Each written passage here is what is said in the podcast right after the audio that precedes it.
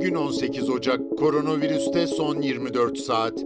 Türkiye'de son güncellemeye göre 24 saatte 148.636 test yapıldı. 6.436 kişinin testi pozitif çıktı. 165 kişi yaşamını yitirdi. Ağır hasta sayısı 2201.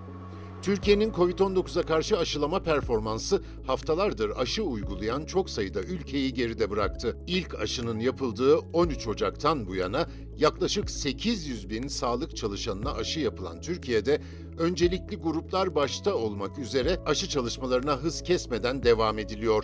Sinovac firması tarafından üretilen Coronavac aşısının ilk dozunun tüm sağlık çalışanlarına bu hafta içinde yapılması bekleniyor.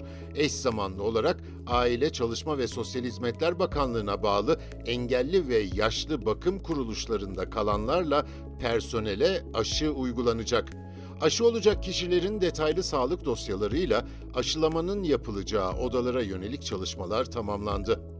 Bu kapsamda resmi ve özel bakım evlerindeki 18.450 personelle 30 bin engelli, huzur evlerindeki 14.470 personelle 24.200 yaşlı olmak üzere toplam 87.120 kişi aşılanacak.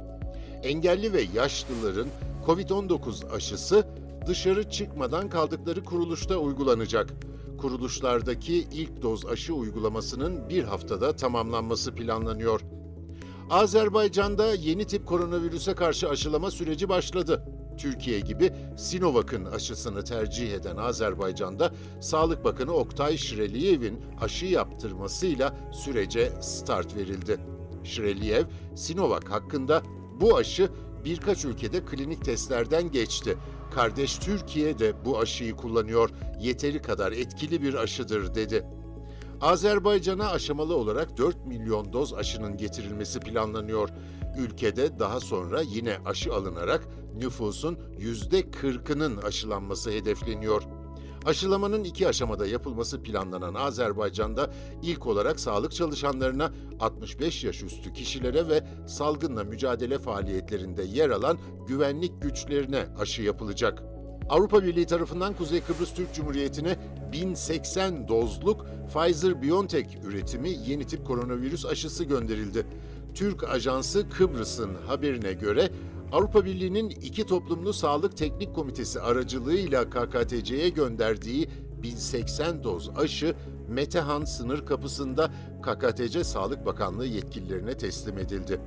İki Toplumlu Sağlık Teknik Komitesi eş başkanı Cenk Soy'dan gönderilen Pfizer-BioNTech aşılarının 1080 kişiye uygulanacağı bilgisini vererek aşının ikinci dozunun bir ay içinde gönderileceğinin teyit edildiğini söyledi. Türkiye'den 14 Ocak'ta COVID-19'la mücadele kapsamında KKTC'ye 20 bin doz Sinovac aşısı gönderilmişti. KKTC'de aşılama programı 15 Ocak'ta başlamıştı. Cumhurbaşkanı Ersin Tatar aşıyı yaptıran ilk isim olmuştu. Başbakan Ersan Saner, sağlık çalışanları ile 65 yaş ve üzeri kesimlerde başta olmak üzere aşılamanın başlayacağını ve nüfusun %80'inin aşılanmasının hedeflendiğini ifade etmişti.